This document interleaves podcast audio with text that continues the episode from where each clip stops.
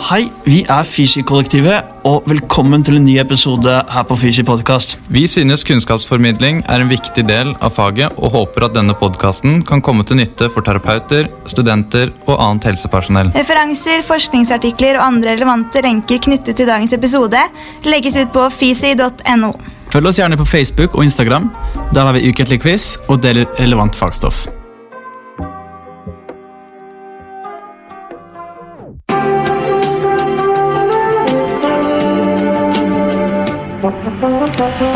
Hei, mitt navn er Fredrik Sjøberg, og velkommen til denne episoden om hjernerystelse og følgetilstandene postcomotion-syndrom, langvarig hjernerystelse, eller også kalt post-concussion-syndrom. Denne episoden er delt inn i to deler. og Introduksjonsvis så har vi en telefonsamtale med Stephanie, som fikk postkomotio-syndrom påvist for to år siden. Det er greit å høre denne samtalen, fordi vi tar utgangspunkt gjennom denne praten gjennom hele podkastepisoden. Så eh, len deg tilbake, og så håper jeg at du lærer noe. God lytting.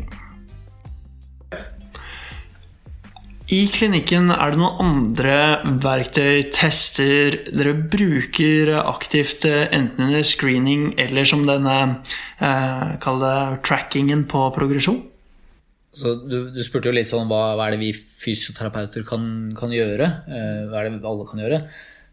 Pri 1 er å, å gi eh, informasjon om hva det er og hva det ikke er. Ikke Noe som er kjent, eh, det er mye lettere å forholde seg til.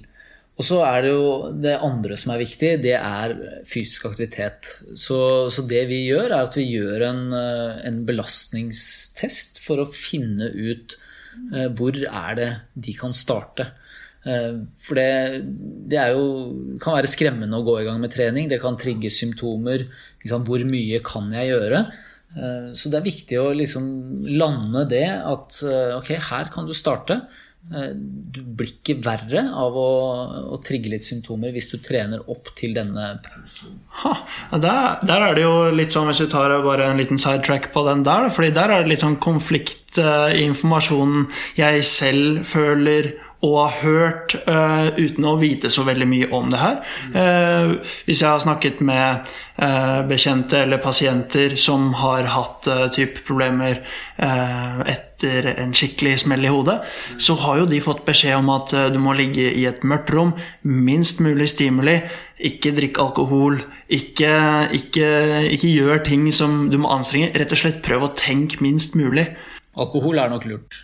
Ja, det, men det er fordi det har inflammatoriske egenskaper. Da, og vi snakker om en akutt tilstand kanskje med, med blodkarinvolvering og, og nervecelleinvolvering. Sånn at eh, det, det er å regne med at du har en akutt inflammatorisk tilstand oppe i hjernen i to døgn, akkurat som ved et ankelovertråkk eller, eh, eller, lignende, men at du antageligvis ikke har blødning. Da, da ville jo det dukket opp som en blødning på et CT-bilde, i hvert fall. Men etter to dager hvor, du, hvor, det er lurt å ta det med ro, egentlig uansett hvilken akutt skade det er, så oppmuntrer man jo til at du skal begynne med gradvis økning av aktivitet, egentlig. Så ikke isolere deg og, og sørge for å få minst mulig stimuli, men tvert imot begynne å mikrostimulere systemet igjen, sånn at du gradvis venner deg til at kroppen kan fungere normalt igjen. Og der er det en 24-timersregel som, som er veldig fin å følge, som veldig enkelt sier at på det aktivitetsnivået du er i dag, så godtar vi at du har like symptomer eller mindre symptomer. Hvis det er tilfellet, og det går 24 timer, så kan du øke aktivitetsnivået neste dag. Enten i forhold til mental aktivitet eller fysisk aktivitet, eller begge deler. Hvis symptomene da øker på neste nivå, så går du tilbake igjen til forrige nivå, er der en dag til, og så prøver du igjen. Og sånn blir den trappa gradvis mer og mer utfordrende. Men det som er vanskelig for Eller kan være vanskelig for pasienter, er jo det å finne ut hva er mitt nivå nå? Hmm. Og der kommer denne, denne, kapasitetstesten som kalles Buffalo Concussion Treadmill Test, ja. som da gjør at du siden vi vet at hjernen er påvirket, og at det hoper seg opp med, med stoffer i, i, hjernecellene, og at blodtilførsel kan være påvirket, så er jo det lureste å tenke på først er jo den systemiske tilnærmingen, der hele kroppen ved å bruke og, og blåse ut på alle sylindere, så kan man se om, om hjernen tåler det. Og da må vi jo teste det i en trygg ramme. Og det gjør den Buffalo Concussion Treadmill-test. Og det er jo en eh, Det er mange som stusser litt da når vi skal liksom si at man skal teste din fysiske kapasitet eller din belastbarhet. Det er en, det er en gåtest ja. på mølle. Og, og, det er jo også forska på her i Norge. Ganske nylig så kom det ut uh, studie fra en gruppe på Ullevål. FISMED på uh, Ullevål sykehus. Ja, mm. Så vi er absolutt med her i, i, Norge og har et bra forskermiljø som uh, utvikler kunnskap om, om temaet også. Så, så det, er, det, er, en sånn grunnstein for, for oss å støtte oss på på veien videre. Fysisk aktivitet er, er pri én. Ja. Og så, hvis du da har etablert om, om fysisk aktivitet gir symptomforverring eller eh, ikke, så, så, er det jo greit å finne ut Gir det symptomforverring? Greit. Da, da, skal du begynne å trene på det nivået som er 80% av der du fikk eh, en forverring.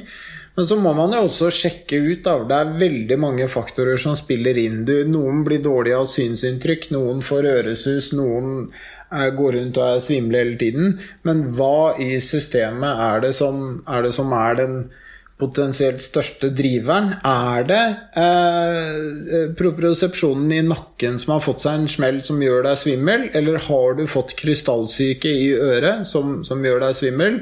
Eller er det summeringen av synsinntrykk og inntrykk fra øret og inntrykk fra nakken som gjør deg svimmel? Ja. Det fins det en hel haug av tester som man eh, kan, og i mine øyne eh, bør gjøre, for å hjelpe pasienten best mulig. Men det er først etter at vi har etablert om den fysiske kapasiteten gir forverring og symptomer. Det er litt mm. viktig. Ja, og her er det jo en sånn um, Stephanie beskriver jo uh, som et sånt uh, slags uh, tips Eller at man skal lytte til kroppen.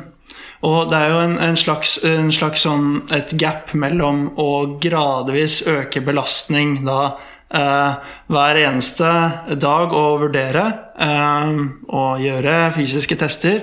Uh, og det å lytte til kroppen, fordi å lytte til kroppen kan jo ofte være sånn at man kjenner mye på, på det. Men Det kan være vanskelig å liksom bare skulle legge det i hendene til pasienten og si nå må du finne ut av hva, hva som er greit for deg. Ikke sant?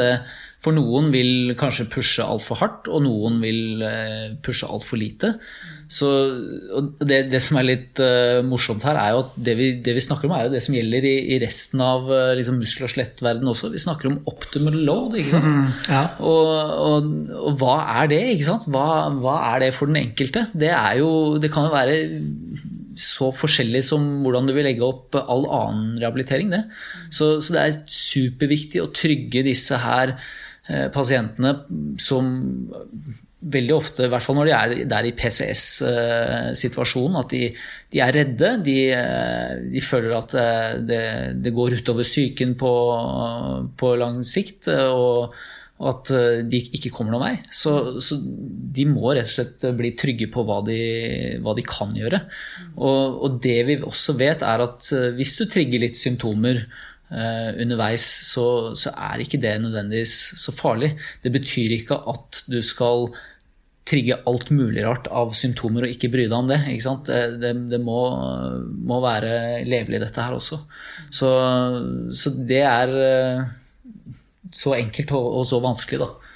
Det, det, blir jo egentlig som med trening, da. Hvis du ikke har en tung nok belastning til at du faktisk utfordrer systemet, så skjer det ikke en adapteringsprosess heller. Så apropos optimal load, men, men den optimale loaden for hver enkelt pasient er jo ofte veldig individuell. Sofapoteten skal ha en litt annen tilnærming enn superatleten, liksom. Og det, det, har vi litt grann data på, men da igjen er det rotteforsøk, da, eh, hvor de så om det var en forskjell på hvordan eh, atletiske rotter, eller rathletes, eh, reagerte versus sedate, overvektige rotter i forhold til tidlig hard intervensjon med trening. Og da så man at de rottletene de, de, de responderte mye bedre på, på, tidlig og hardere trening enn de mer sedate.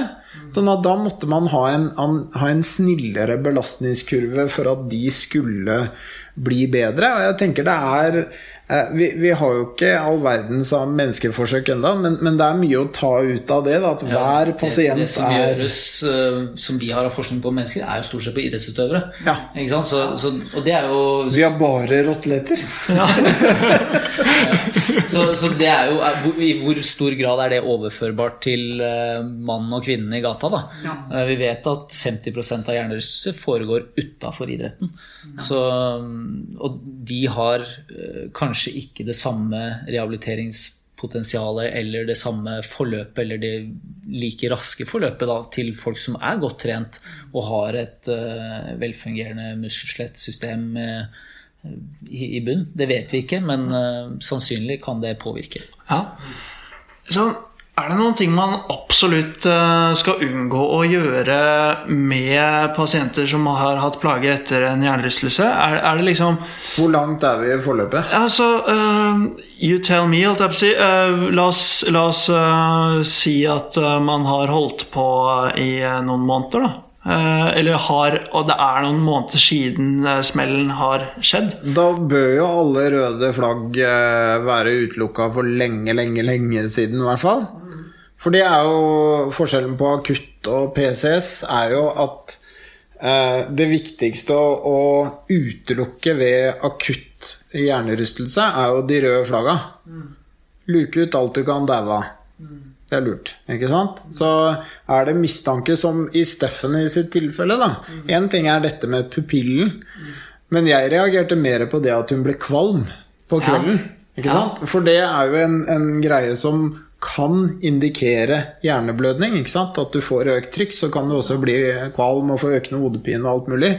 Og det i seg selv er en større indikator på at hun må ta bilde av hodet enn den pupillforskjellen. Ikke sant? Ja. Så, så det, er, det, er, den akutte. Men når det har gått noen måneder, så er det jo eh, egentlig viktigere å, å få en oversikt over hva vedkommende kan og vet på nåværende tidspunkt. For det som stort sett er gjengangeren med pasienter som kommer til oss, er jo at de, de, de har lite kunnskap om hva hjernerystelse er. Og så er det også å ta tak i det Hva er det de unngår, da? For eksempel, ja, og hvorfor unngår de? Ja, Sitte i et mørkt rom, f.eks. Har du gjort det allerede i to, tre, fire-fem uker, så, så, er det klart at det skal ganske mye habituering til. At du venner deg til eh, skjerm, lyder når du, når du, beskytter deg helt fra det igjen. ikke sant? Altså, du, du, myser når du går ut fra kinoen midt på dagen også. Ja. Hvis, hvis, dere husker, bare for å ta et av de mer ekstreme eksemplene Men for noen år siden så var det en, en stor gruveulykke i uh, Sør-Amerika hvor da eh, en hel haug av arbeidere blei sittende inne i en fullstendig mørk gruve i jeg tror det var snakk om flere uker. Før de ble redda ut. Ja. Og samtlige av de, når de blei henta ut i dagen, hadde jo svære bandasjer foran øynene. Fordi de hadde jo ikke blitt eksponert for lys på mange uker. Så de, de, de klarte jo ikke se. De ville jo få helt vanvittig sterke eh, symptomer om de ble eksponert for dagslys med en gang. Så hvorfor skal en hjernerystelseshjerne være noe annerledes? Dette var friske mennesker som ble satt i et annet miljø. Så setter vi oss selv i et annet miljø, så, så gjør jo det at du adapterer til miljøet du er i. Og hvis det miljøet ikke ligner på det miljøet du skal til, ja, da har du et problem. Ja, ja. Det er sant. Uh, men La oss si at um, en pasient som har gått uh, en, en, periode da, og tåler på en måte det hverdagslige miljøet som inkluderer dagslys, og eh, skjermer og barn og mann, og, og det, er, det, er, en del stimuli, da. Eh, så eh, hvis man da får denne pasienten inn på klinikken eh, hvor er det man liksom og La oss si at aktivitet, generelt aktivitet gjør at man får mer vondt i hodet, eller et eller annet. Da. Hva gjør man? Hva, hva kan man finne på? Eksempel på hva man kan gjøre i klinikken, eh, hvis man bare tar det helt ned til hva vi gjør? Altså det, hvis, hvis, du har en tredemølle, så, så, test på det. Og så, og så er det jo å legge doseringen deretter. Men eh, i forhold til mer spesifikk trening så, så, kan det være at de trenger litt uh, balansetrening, uh, øyekoordinasjon. Det kan man kan teste litt for å gi de litt sånn konkrete oppgaver.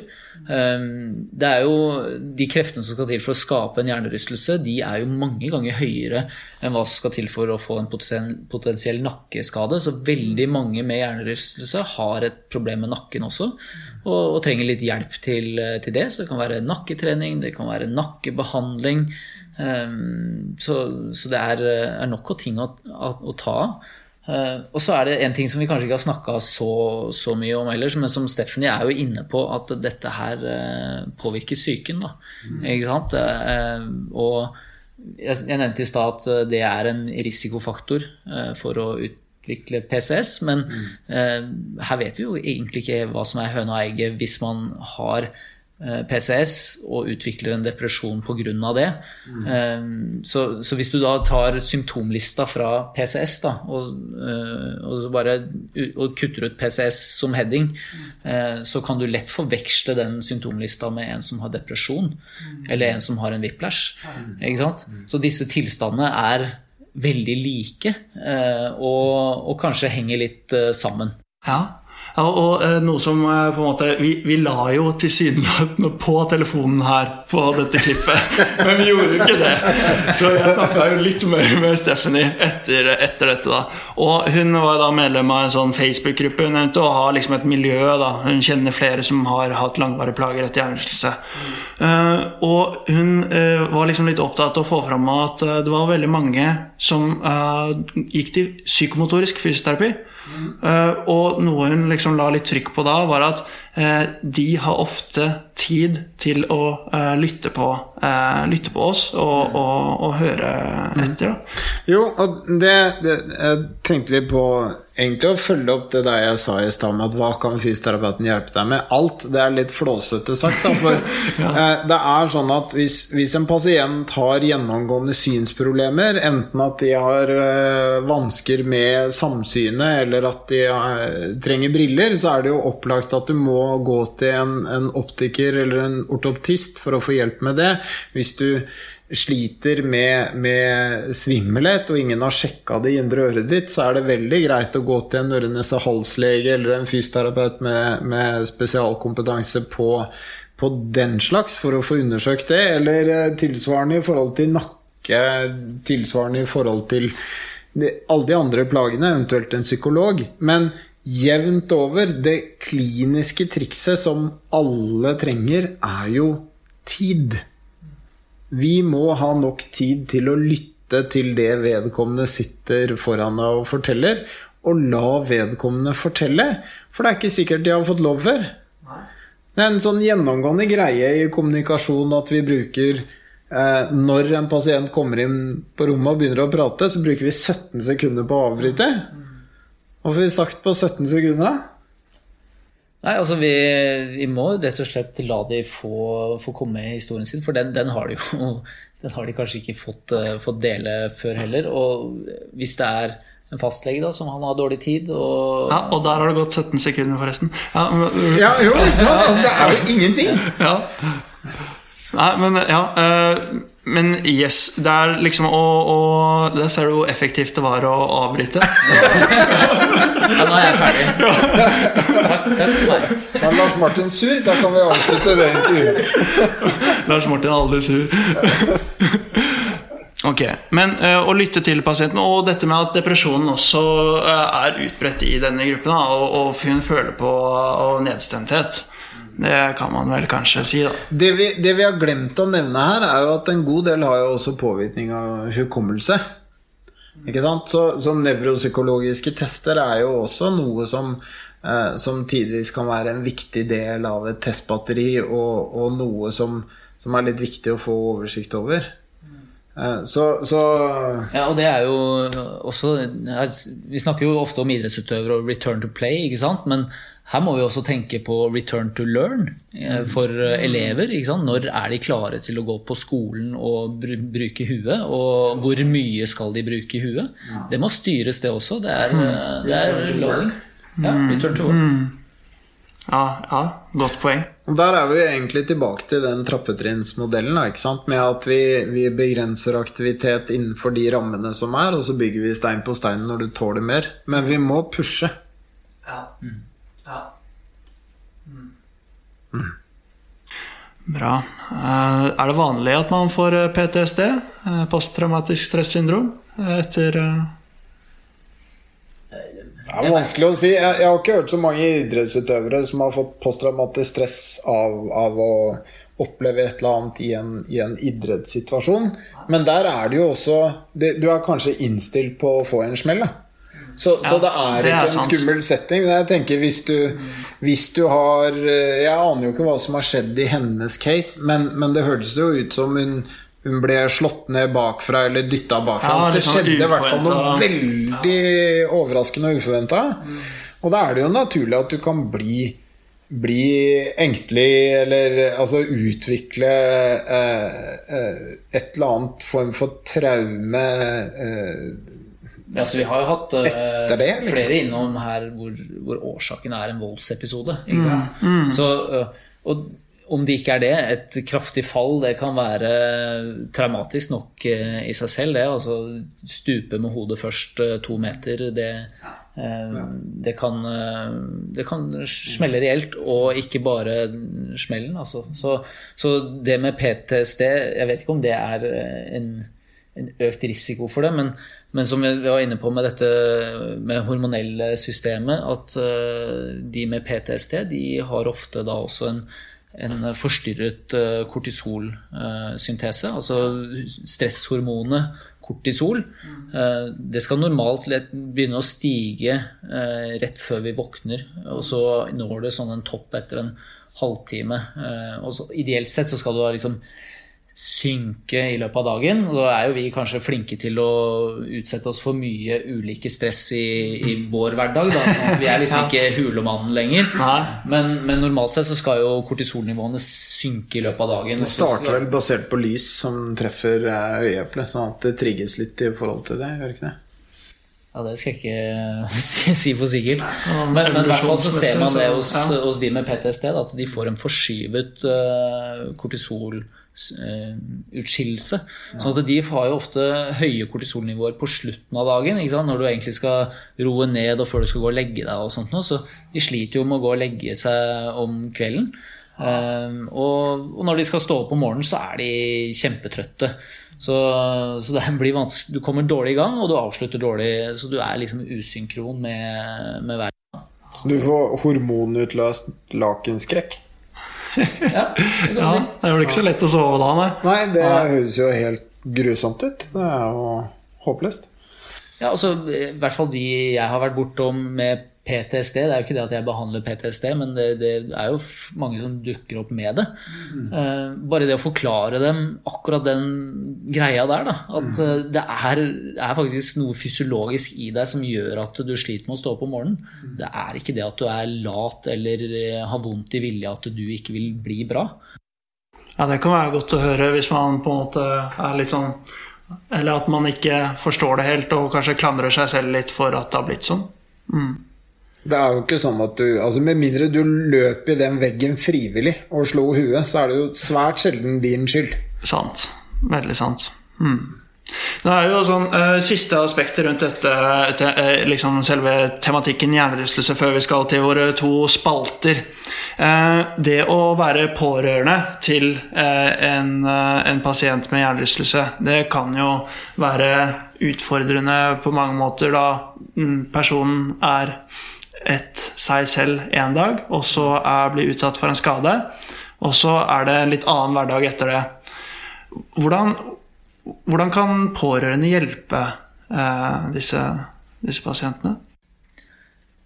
Altså det, er, det, er, jo ikke en synlig skade, ikke sant? så, så um, det er kanskje like viktig at de er med på den eh, informasjonsbiten. Um, og, og, det er også eh, Jeg har liksom unge, unge folk som, uh, som er jo veldig sosiale og møter venner og sånt noe, og, og som forteller det at uh, de, noen trekker seg unna. De vet ikke helt uh, hvordan de skal forholde seg til det. Eller de opplever at uh, hver gang det er noe morsomt som skjer, så, så, så må de trekke seg unna. Og, og det er jo De er, er, syke, men ikke synlig syke, og det, det, er klart at det er en utfordring.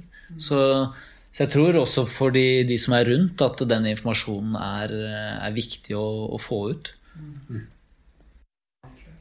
Det er, det er, alltid krevende å være pårørende uansett. Ikke sant? Jeg har eh, jeg snakket med en pasient om det i stad. Det der rundt det å ha Hun er svimmel. Hun har ikke hatt noe hjernerystelse, men hun er svimmel, og så får hun da hun får lite forståelse av, av, sine medmennesker for det å være svimmel, for du er jo bare svimmel. Mm. Så tok vi eksempelet hvis du får kreft. Mm så er det banka inn at det er jævlig. Umiddelbart. Ja. Ja. Altså, da, da, får du så mye ressurser. Det er ikke spørsmål fra Nav, det er ikke spørsmål fra pårørende. Det Er, kreft er lik jævlig i hele samfunnet. Det er en felles forståelse for det. Mens alle disse usynlige tingene er, har vi ikke en felles forståelse for at det kan være veldig vanskelig for enkelte å ha, og at det gir mye symptomer. Men jeg, jeg, vet ikke hva som er løsningen på det. Da. For hvis vi hadde gått rundt og tenkt at alt vi hadde fått, skulle utløst samme reaksjon som det å ha kreft, mm.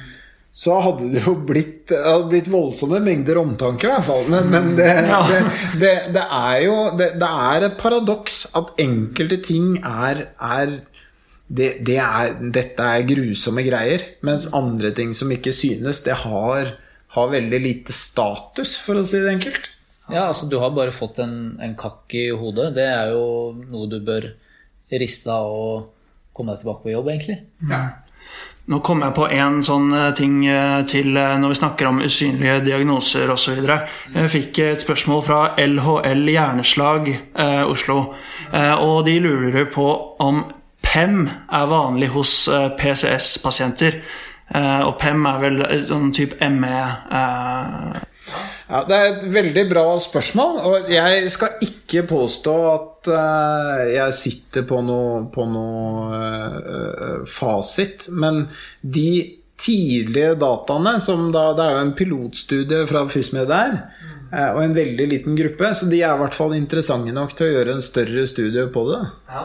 Og så vet vi jo at økt trettbarhet, fatigue, er jo i høyeste grad en, en del av PSS. og Um, og det ikke bare fysisk fatigue, men også nevrofatigue. Uh, at man blir sliten av kognitivt arbeid. Mm. Man kan jo få uh, økt puls bare ved å lese en, en bok. Og man ser, ser, jo liksom det at uh, hos, hos, populasjoner med PCS så, så, er det ikke hos alle, men en del som da sliter med, med hjertevariabilitet. Mm. At, at de får unormalt høy puls ved ellers liksom fysisk lite krevende ting. da.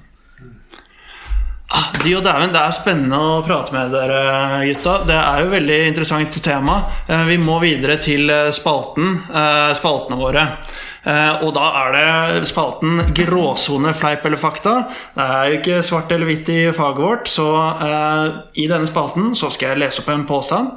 Så skal dere si om det er fleip eller fakta, og så eh, får dere lov å kommentere kort på det hvis dere har lyst til det. Så da tar vi første Da kjører vi på. Første påstand. Eh, vedvarende forhøyet hvilepuls kan forekomme etter en hjernerystelse. Fleip eller fakta? Ja, det er fakta. Mm. Det kan. Det kan. Det kan. Ja. Men det er ikke alle som får det. Nei. Nei. Nei.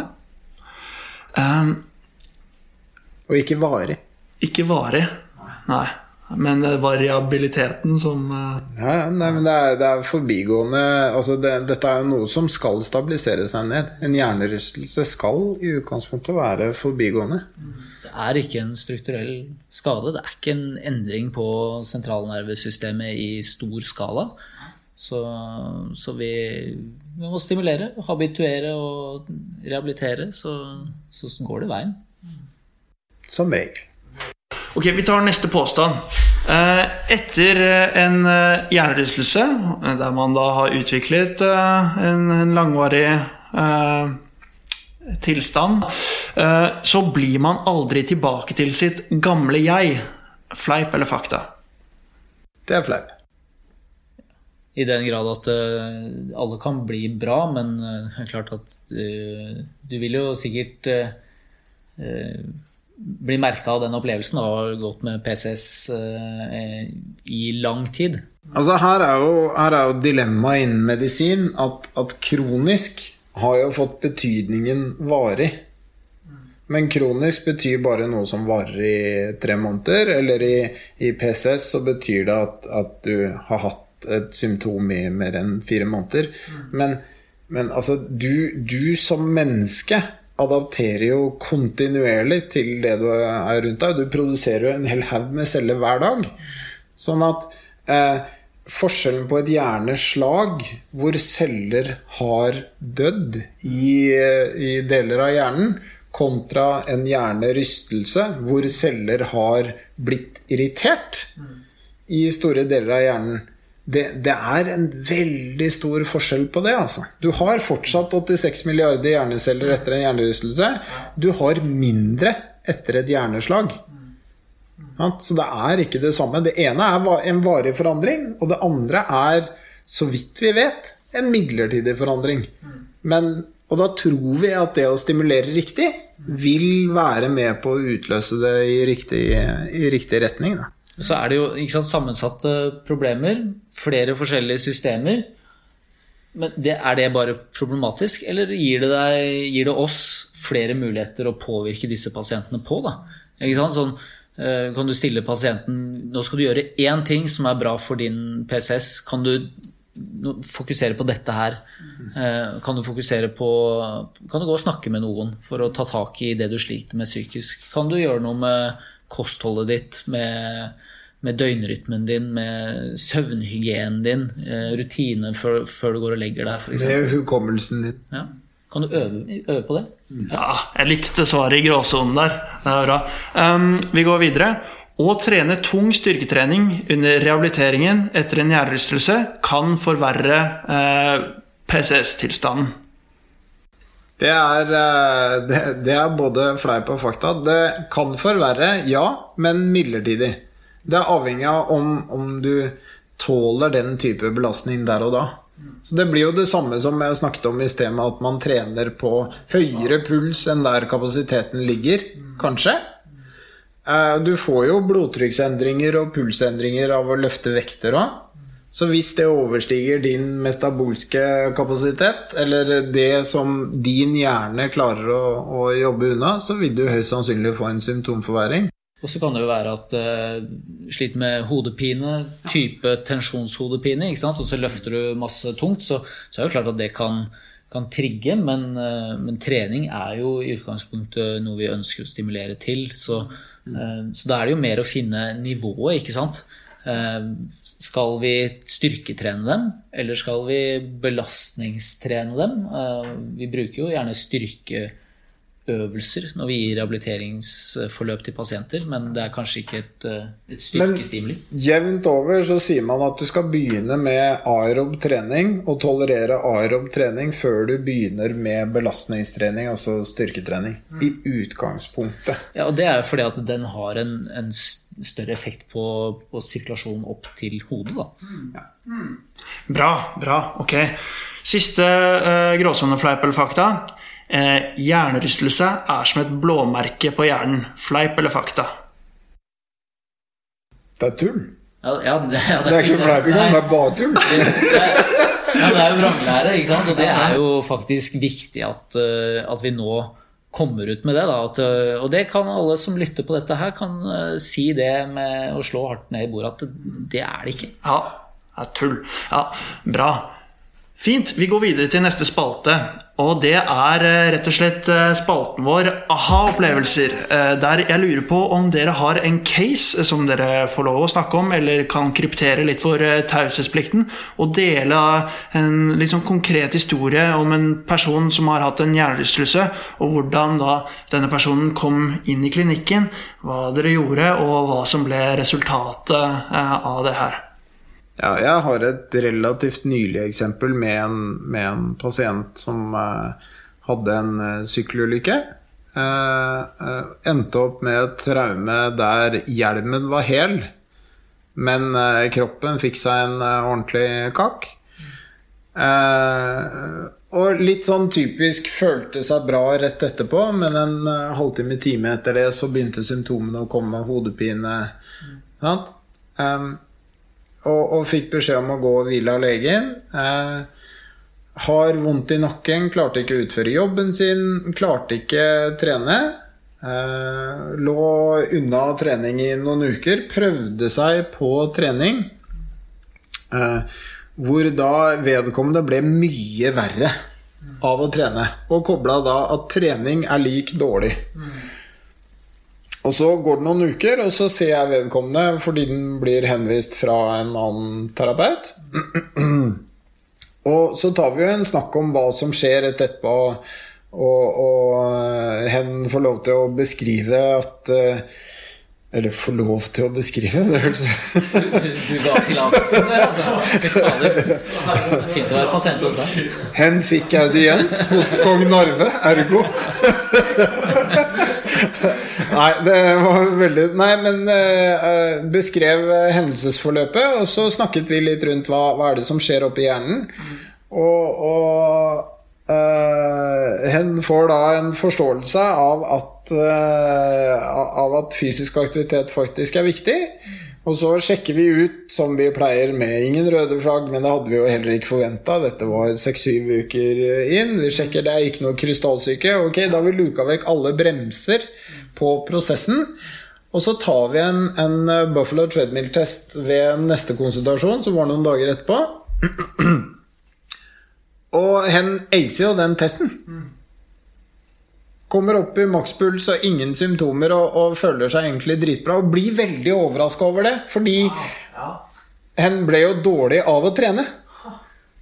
Så der er det jo litt sånn Nei, det gjør du ikke. Men du har, ikke, du, du har en dårlig erfaring med det, og så har du kobla Altså eh, causation, liksom. At, at du, du, kobler det du, det du har opplevd, med en sannhet rundt at det er farlig, og så har ingen korrigert deg på at hva med om du prøver å, å endre på det? Hva skjer da?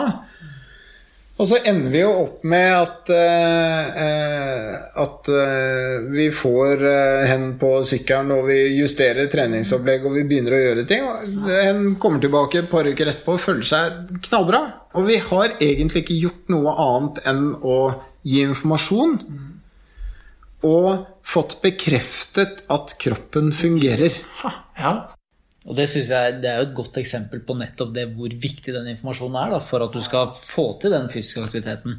Og det er jo liksom som de aller fleste, om de har hatt PCS i to måneder eller to år, forteller oss at dette her er det ingen som har sagt til meg før.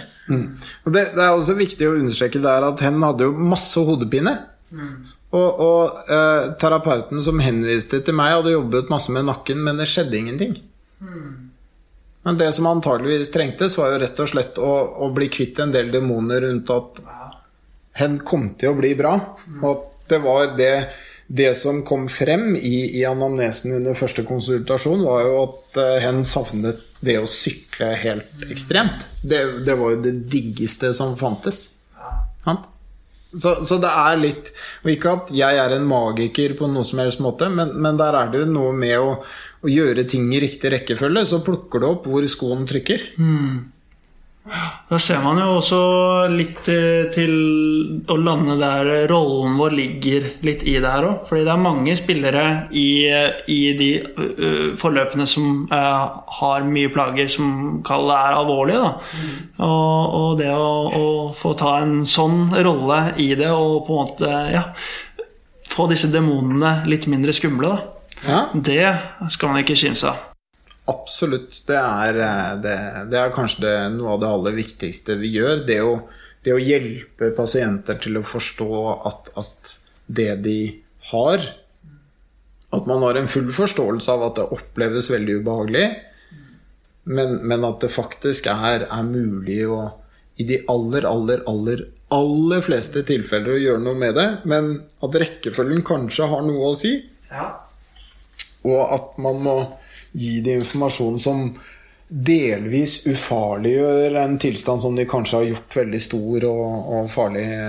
Ja, altså Hvis fysisk aktivitet skal være oss fysioterapeuters øh, medisin, Ja. så, så er det jo ikke bare å, å komme her med et eh, skjema at her starter du, og om ti uker skal du være der. ikke sant? Det, hvordan er det vi får pasientene våre dit? da? At, eh, og da må vi Noen må vi kanskje pushe litt eh, ut av sofaen. Noen må vi, må vi ta og, og rive ned noen sånne tanketroll som har, har satt seg. Eh, Så, så det er jo vi, Alle trenger den uh, informasjonen, i hvert fall. Ja, virkelig. Det, og Kjempefint. Jeg føler også at vi fikk kommunisert det på en fin måte i uh, denne episoden. Og jeg har lært uh, masse. Eh, Og vi kommer til å lage et innlegg på fysi.no. eh, Der vi kommer til å lenke podkasten. Kommer til å være noen fine bilder av dere. Og så slenge ut noen, noen eh, lenker på f.eks. da Fysiomed eh, eh, sine forskningsartikler som FysMed. FysMed, som vi har snakket om i, i denne, denne episoden. Og så må vi jo selvfølgelig legge til deres egen podkast, Skallebank hjernerystelse. Har du lyst til å bare si veldig kort eh, hvem denne podkasten er for? Den, den er jo egentlig for, for alle. Altså, først og fremst så ønsker vi å nå pasientene. Det er en lavterskelpodkast som tar for seg hva hjernerystelse er, og kanskje litt om hva det ikke er. Det er korte episoder. Det krever ikke veldig mye av eh, lytteren å, å høre på en 10, kanskje toppen 13 minutter, kanskje har vi toppa på. Om, om alle temaer som relaterer seg til hjernerystelse. Nå har vi per i dag har vi vel en fire-fem episoder ute. Ja, det var fjerde i dag. Ja. Så, så vi ønsker jo å komme med, med flere. Mm. Ja, jeg har, har jo hørt de, og de er jo veldig fine. Og på en måte denne podkasten, episoden her, er jo bare toppen av isberget. Det er jo masse mer, og det er jo Jeg tror jeg også våre lyttere kan finne mer av på, på episodene deres også. Har du noen andre lenker eller ting som Hvis det er en engasjert lytter som har lyst til å lære enda mer om eh, temaet, er det noe man burde lese? Scat5 den ligger eh, på klokaskalle.no, eh, og den har også en egen eh, variant for barn. Altså barn under 13. Eh, Og så har, der ligger også den CRT, altså Concussion Recognition Tool. SCAT5 er et, er et verktøy for helsepersonell.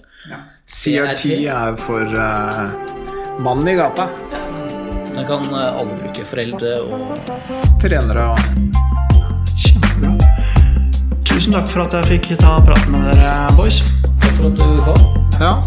Takk for invitasjonen. Alltid hyggelig å Ja, det er, ja, det er pratepodden. ja, det er fint. Ok, men eh, da høres vi senere her på Fysi podkast. Ha det bra. Ha det. Takk for at du hørte på Fisi podcast. Håper du likte denne episoden. Følg oss gjerne på Facebook og Instagram. Der har vi ukentlig quiz og deler relevant fagstoff. Vi selger T-skjorter og annet merch på fysio.no. Vi har mange planer og mål, og omsetningen av merch skal vi bruke til videre prosjekter og kunnskapsformidling.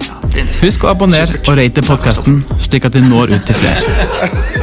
Hvorfor det?